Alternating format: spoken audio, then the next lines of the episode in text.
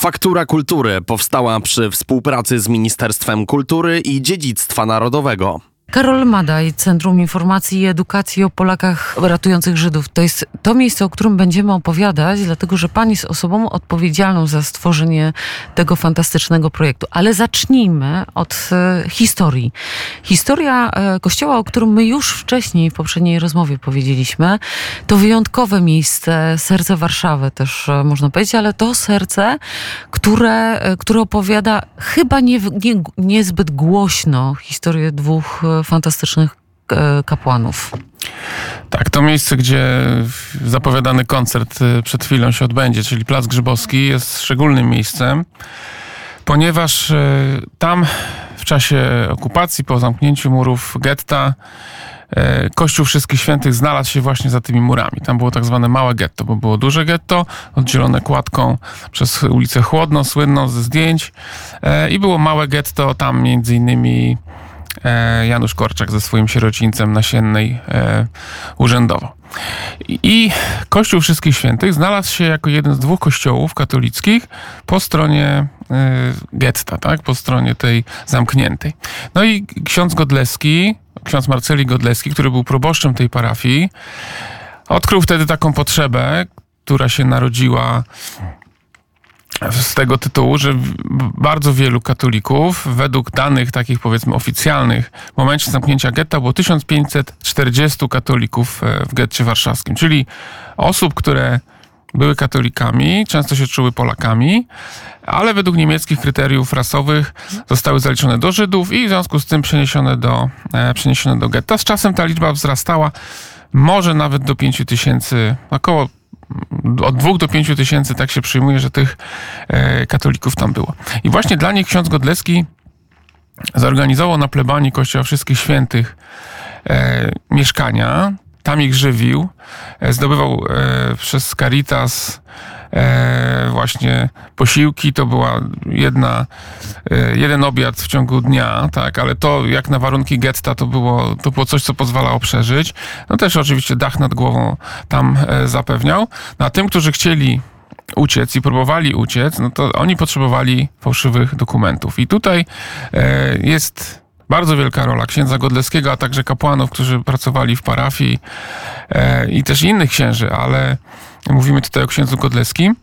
To było zapewnienie tej, tej fałszywej metryki, ponieważ akt e, chrztu, czy też akt ślubu był jakby niezbędny do tego pakietu dokumentu, więc taki fałszywy, fałszywa tożsamość, ona musiała się opierać na fałszywym świadectwie chrztu i fałszywym, jeżeli to był e, tak, osoba dorosła, fałszywym akcie e, ślubu.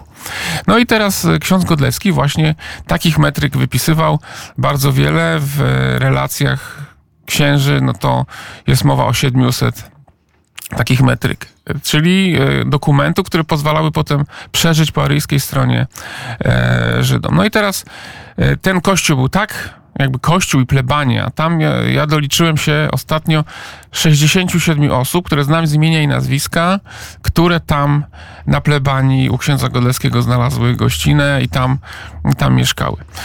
Część z nich ucieka, część z nich przeżywa Treblinkę, część z nich nie, ponieważ małe getto zostaje zlikwidowane jako pierwsze w sierpniu 1942 roku. E, Jeszcze e, to tak samo jak w tym samym czasie, co sierociniec Janusza Korczaka, którego zresztą dzieci przychodziły do ogrodu e, Kościoła Wszystkich Świętych, bo zachował się list dzieci e, z sierocińca Janusza Korczaka do księdza plebana, w którym proszą, żeby mogły trochę popatrzeć na zieleń, e, ponieważ tam jest u nich ciasno i duszno, a, a chciałyby e, poddychać trochę świeżym powietrzem, a trzeba powiedzieć, że Kościół Wszystkich Świętych i ogród przykościelny to było jedyne zielone miejsce w całym, e, wtedy w całym getcie. I ksiądz Godlecki się zgadza. E, Wiemy z relacji, że dzieci były tam częstymi gośćmi w tym przykościelnym ogrodzie. Niestety, tak jak e, wiemy z historii, właśnie i parafianie większości księdza Godleskiego, e, jak też i dzieci z sierocińca Janusza Korczaka, które tam niedaleko mieszkały i chodziły do ogrodu, one wszystkie zostały wywiezione do Treblinki, tam, e, tam zginęły. Natomiast części osób udało się przetrwać i nadal ksiądz Godleski im pomagał. To jest między innymi Ludwik Hirschfeld, tak, który był tam mieszkańcem parafii, profesor, e, odkrywca grup krwi. Tutaj przed chwilą był dyrektor Niepodległej, który taki projekt miał Iskry Niepodległej. Tam mhm. Ludwik Hirschfeld był jedną z tych najważniejszych postaci, tak, najważniejszych e, Polaków, e, odkrywców.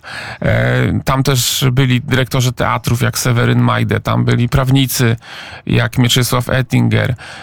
Tam wreszcie była, było około ośmiu osób z rodziny Ludwika Zamenhofa, Zamenhof, twór, mhm. twórcy Esperanto. Także można powiedzieć, że tam na plebanii Kościoła Wszystkich Świętych zgromadziła się taka elita e, narodu polskiego e, pochodząca, no jakby siłą rzeczy z, z, gdzieś tam z Żydów, tak? Natomiast to byli ludzie, którzy przeważnie czuli się Polakami, ale nie wszyscy byli katolikami, nie wszyscy byli chrześcijanami, tak? Na przykład rodzina Zamenhofów nie była ochrzczona, wiemy to z relacji później po, e, powojennych. No i teraz bardzo ciekawa rzecz. Po po wojnie ci, którzy ocaleli, tak? Dzięki pomocy księdza Godlewskiego, księdza Antoniego Czarneckiego, bo tam też był e, wikarym w tej, e, w tej parafii.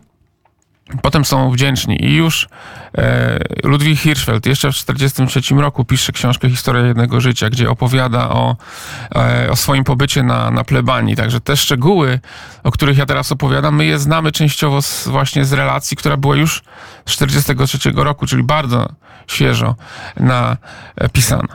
E, ale mamy też i inne relacje i bardzo ciekawy dokument udało mi się kiedyś e, odnaleźć i potem wysłać też do Yad Vashem, kiedy staraliśmy się o Medal Sprawiedliwego wśród Narodów Świata dla księdza Marcelego Godlewskiego. To jest pismo z jointu z 1 kwietnia 1948 roku, chociaż to nie jest e, pismo żartobliwe, w którym dyrektor jointu oferuje księdzu Zygmuntowi Kaczyńskiemu, czyli następnemu proboszczowi mhm. parafii, czek na sumę 100 tysięcy złotych. I to był czek na odbudowę kościoła. Za to można było sfinansować szklenie całego kościoła i 10 tysięcy cegieł. Także e, Prawdopodobnie Kościół Wszystkich Świętych jest jedynym kościołem w Warszawie, a może i w Polsce, który za żydowskie pieniądze został odbudowany, odbudowany. po powstaniu warszawskim.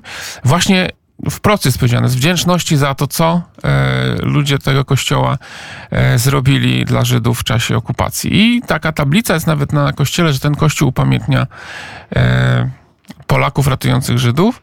I co więcej, e, w, nie tak dawno kościół otrzymał jako jedyny w Polsce w ogóle jako jedyne miejsce w Polsce, tytuł House of Life, mhm. e, przyznawany przez e, Fundację Raula Wallenberga. To jest międzynarodowa fundacja, która przyznaje taki jakby medal Sprawiedliwy wśród Narodów Świata, ale dla miejsca. Mhm. I ma to na przykład ambasada w Szwajcarii, Polska, tam gdzie Grupa Ładosia działała. E, no i ma to też jako jedyny w Polsce właśnie Kościół Wszystkich Świętych.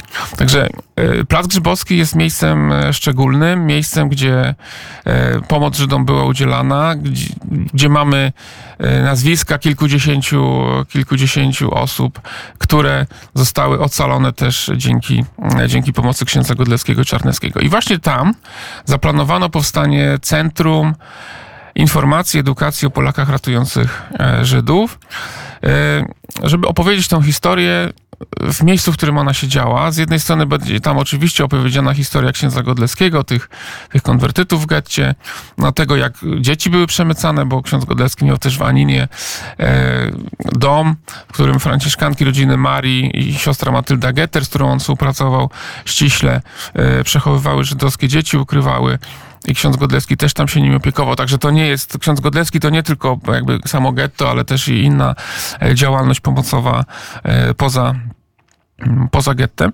I właśnie w, w tym miejscu e, powstanie centrum, gdzie będziemy mogli zobaczyć na dwóch piętrach wystawę poświęconą Polakom ratującym Żydów, ale też i która, wystawa, która powie Ale w tym kontekst. miejscu to znaczy bezpośrednio w e, kościele? Bezpośrednio obok? obok kościoła. Tam, mhm. gdzie w tej chwili nie ma tej plebanii, ponieważ no, kiedy został wybudowany Pałac Kultury, to komuniści mieli taką potrzebę, żeby zasłonić ten kościół od, od Pałacu Kultury, więc tam wybudowano taki blok na miejscu, gdzie kiedyś był ten ogród i gdzie była e, plebania. Ale jest jeszcze kawałek takiego terenu, który, na którym powstała, powstał budynek, taki czterokondygnacyjny budynek, czyli jakby najbliżej tego miejsca, gdzie faktycznie e, Żydzi mieszkali e, i tam e, właśnie powstanie, powstał już jakby budynek, a do tego budynku do, pasujemy teraz wystawę, będzie będzie też centrum takie edukacyjne, sale edukacyjne, tak żeby tam mogła młodzież, czy to z Polski, czy to z Izraela, która tam też bardzo Licznie często przybywa. przybywa na e, schodach Kościoła Wszystkich Świętych. Wręcz w programie jest y, przysiąść i opowiedzieć o historii konwertytów w getcie warszawskim, ale też i wspomina się wtedy o tym, e, o tym kościele, więc mamy nadzieję, że e, część tych grup uda się do nas e, sprowadzić i pokazać wystawę, która będzie opowiadać o tym no, tym zjawisku, ale w ogólnopolskim kontekście, tak? Nie chcemy tylko opowiedzieć o parafii Wszystkich Świętych. E, też to będzie oczywiście, no bo to jest jakby miejsce i musimy się odwołać do tego miejsca, natomiast będziemy opowiadać różne historie, tak? Opowiemy i o Ulmach, opowiemy o Żabińskich, e, opowiemy też e, mniej znane historie, tak? O Arvanitich na przykład, tak? Czy historie z, z różnych części kraju, tak żeby ktoś, kto przyjdzie do nas, mógł sobie wyrobić takie zdanie na temat tego, co się działo w różnych częściach Polski, też przed jakimi dylematami stawali e, Polacy, jaki, jaki mieli wybór, tak? E, I czym groził sprzeciw wobec prawa niemieckiego, które e, karało śmiercią jakąkolwiek, jakąkolwiek pomoc Żydom. Także to będą dwa piętra takiej nowoczesnej wystawy e, narracyjnej. No a oprócz tego właśnie miejsce też dla dla badaczy, także będzie można skorzystać z baz danych, będzie można się e, dowiedzieć więcej o, o wybranych e, przypadkach, no bo tych przypadków samych sprawiedliwych już jest ponad 7 tysięcy, a to przecież nie, nie wszystko. To teraz, e, teraz jeszcze takie pytanie, które e, gdzieś nasuwa się w tej opowieści. Bo y, słynny ksiądz Godleski, o którym, o którym może nie wszyscy wiemy, bo dlatego warto przywołać tę historię. Jakie on miał poglądy przed wojną? Jak on funkcjonował? Bo ta postać się e, oczywiście pojawia najbardziej w historii w kontekście tego właśnie ratowania Żydów i tego, tego, co zrobił w trakcie wojny. A jaką, jaką był postacią w Warszawie przed wojną? To jest bardzo dobre pytanie i bardzo długa historia. E, tak, no, ksiądz Godleski e, w momencie, kiedy getto powstawało, no to już był, e, już był wiekowym e, kapłanem. E, I to już powiedzmy była końcówka jego życia. On już zmarł e, w roku 45, także e, powiedzmy 46, e, to już jest koniec jego długiej działalności, która, która zaczęła się jeszcze w XIX wieku. Po studiach w Rzymie ksiądz Godleski pochodził z, z, z, paraf, z diecezji łomżyńskiej, tam z tamtych terenów augustowskich. E, urodził się w Turczynie. Potem e, studiował e, w Rzymie. I po powrocie z Rzymu zajął się duszpasterstwem robotników. E, pracował w Łodzi, pracował w tych miejscach, gdzie było, e, gdzie była no, taka, e, takie parafie, powiedzmy, robotnicze i, i w jaki sposób jest e, założycielem i prekursorem Stowarzyszenia Robotników Chrześcijańskich, do których później tradycji odwołuje się kardynał Stefan Wyszyński, czy nawet ksiądz Jerzy Popiełuszko też jako duszpasterz e, robotników. Także tutaj możemy go w jakiś sposób ustawić tutaj e, gdzieś tam w jednej linii z tymi, e, z tymi kapłanami.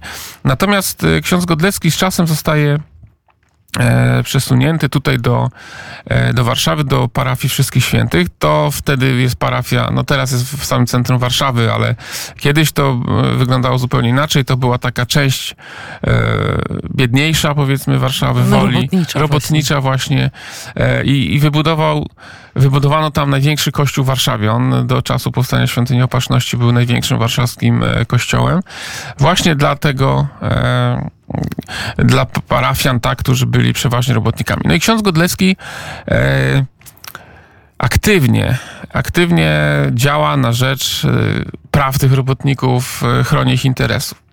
No i tutaj e, napotykamy właśnie na te jego poglądy przedwojenne, czyli był związany z narodową demokracją e, i tutaj nawet w pewnym momencie miał taki pomysł, żeby kandydować do chyba do Senatu z ramienia partii.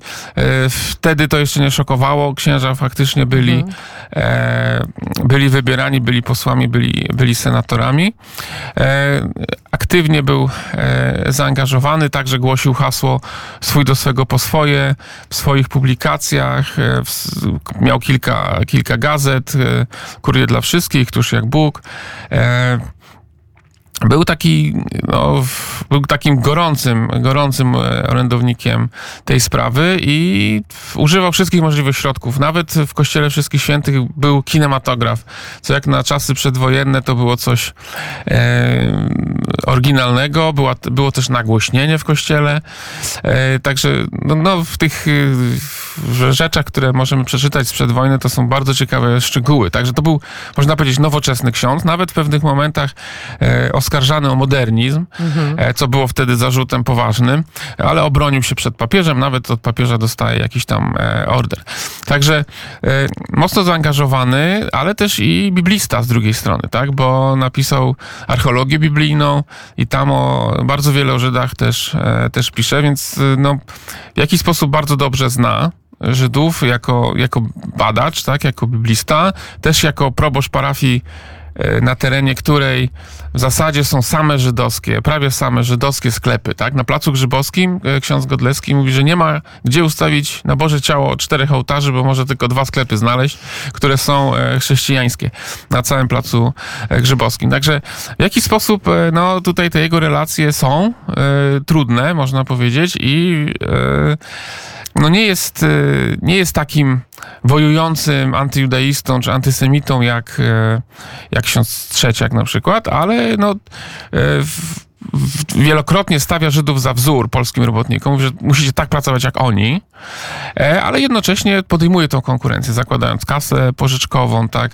e, sprzedając bardzo tanio publikacje. No, różne są elementy tej, powiedzmy, takiej ekonomicznej, ekonomicznej walki. Natomiast kiedy tam e, powstaje getto, ksiądz Godlewski jakby no, nagle widzi to z innej perspektywy. Zaczyna patrzeć na, też na antysemityzm zupełnie, e, widzi błąd tego, tego rozumowania, które było przed, i to jakby do czego to doprowadza, tak, w konsekwencji. Oczywiście ten polski antysemityzm był, nie był taki rasistowski jak, jak niemiecki antysemityzm i nie był taki morderczy, no ale też nie był sympatycznym oczywiście zjawiskiem i Kościół e, w, na Soborze Watykańskim II stwierdza, że był to grzech, tak, jakby e, antysemityzm jest taką grzeszną postawą. Więc ksiądz Godlewski jakby w tym momencie zmienia swoje nastawienie. I to we wszystkich tych żydowskich relacjach, do których udało mi się dotrzeć, widać wyraźnie jest ta, ta przemiana. I nawet e, prezes Judenratu, e, Adam Czerniakow, on e, w swoich pamiętnikach zapisuje, że ksiądz Godlewski przyszedł do niego do gabinetu, opowiadał o tym, o tej nędzy, tak, e, Żydów, no bo to musimy pamiętać, że to jest getto, tak, to jest jakby głód, e, to jest e, powszechna śmierć, to jest, no, to wszystko, co znamy z historii, znamy ze zdjęć. I teraz ksiądz Godlewski w, w gabinecie szefa Judenratu rozpakuje się, tak, i, i opowiada o tej nędzy i jakoś szuka też pomocy, także we wszystkich relacjach mamy informację o tym, że ksiądz Godlewski zmienia swoje, e, swoją postawę e, i, i całe serce poświęca ratowaniu, e, ratowaniu Żydów. I, I stąd też jakby później ta, ta wdzięczność Żydów z jednej strony, to o czym na przykład wspomniałem, to, to, to ten datek na odbudowę kościoła pokaźny, ale też i medal Sprawiedliwy wśród Narodów Świata, który ksiądz Godlewski dostał z dużym no powiedzmy trudem, ponieważ przez 40 lat y, starano się, żeby to e, dostał. E, od lat 60., od kiedy zaczęto przyznawać ten medal, tak 63 rok, już pierwsze osoby zostawiają relacje wprost mówiące o tym, że to ksiądz Godlewski tam dos- dostali od niego metrykę, że ratował, że umożliwił ucieczkę.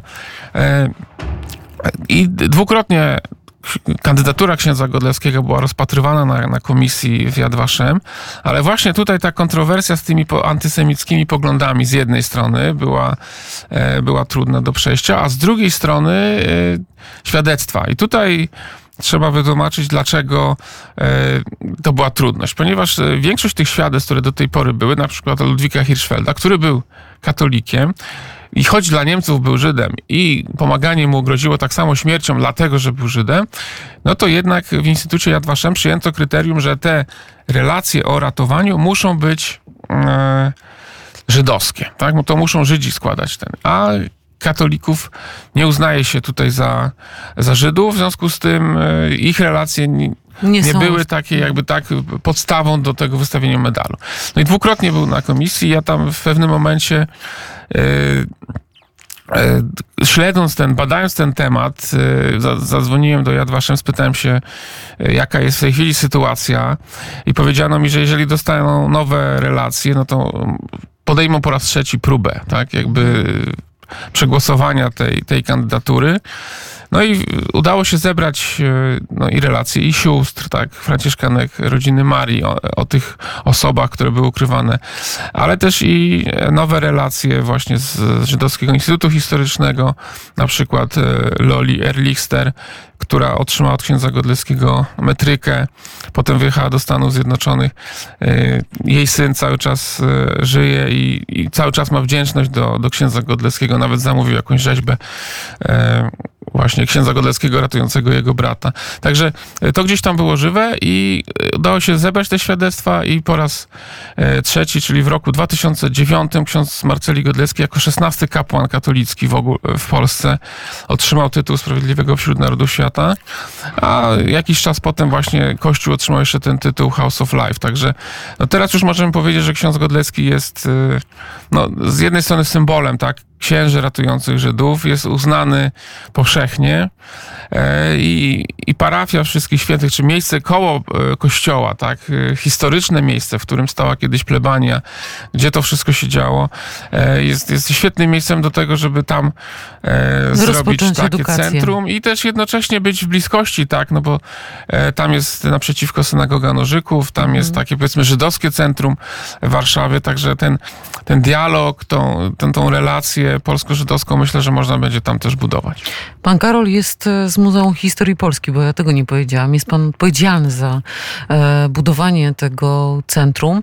E, a to jest takie pytanie typowo dziennikarskie. Dlaczego dopiero teraz? E, Bo to, to, to już nie ukrywajmy, no to, to mówimy o czymś, co się wydarzyło tak e, już dawno i ta historia, ta historia e, już jest tak odległa, że po prostu to pytanie, że dopiero teraz my budujemy, dopiero teraz do tego tematu podchodzimy. Z jakiego powodu to się dzieje? Dl- Dlaczego tak długo musiało to trwać?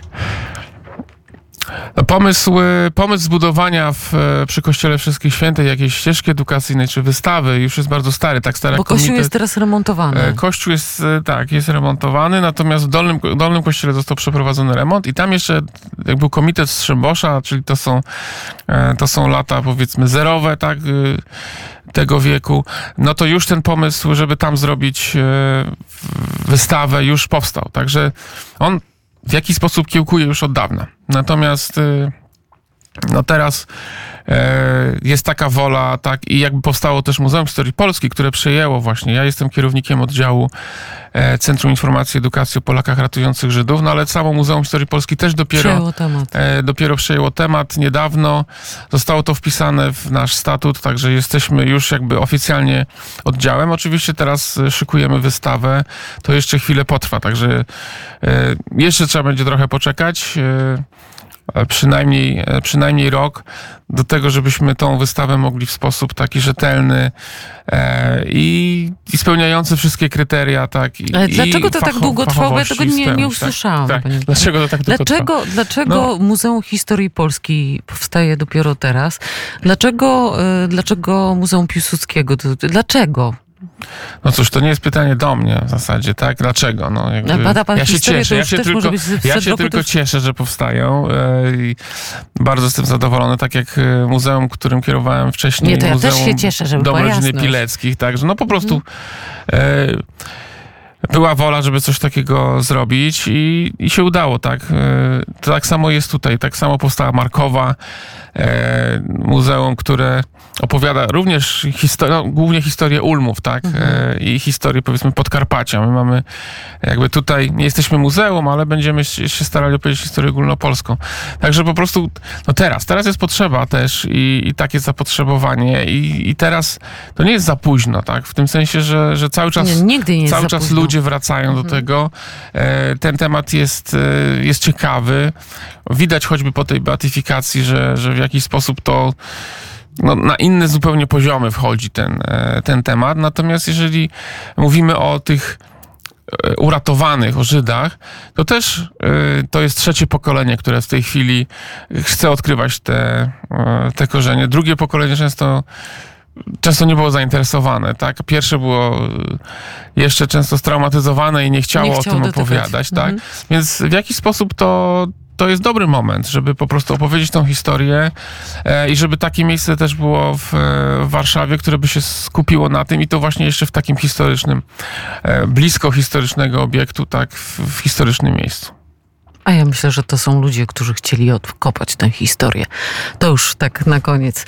E, Karol Madaj, Muzeum Historii Polski, odpowiedzialny za budowę Centrum Informacji i Edukacji o Polakach ratujących Żydów. Faktura Kultury powstała przy współpracy z Ministerstwem Kultury i Dziedzictwa Narodowego.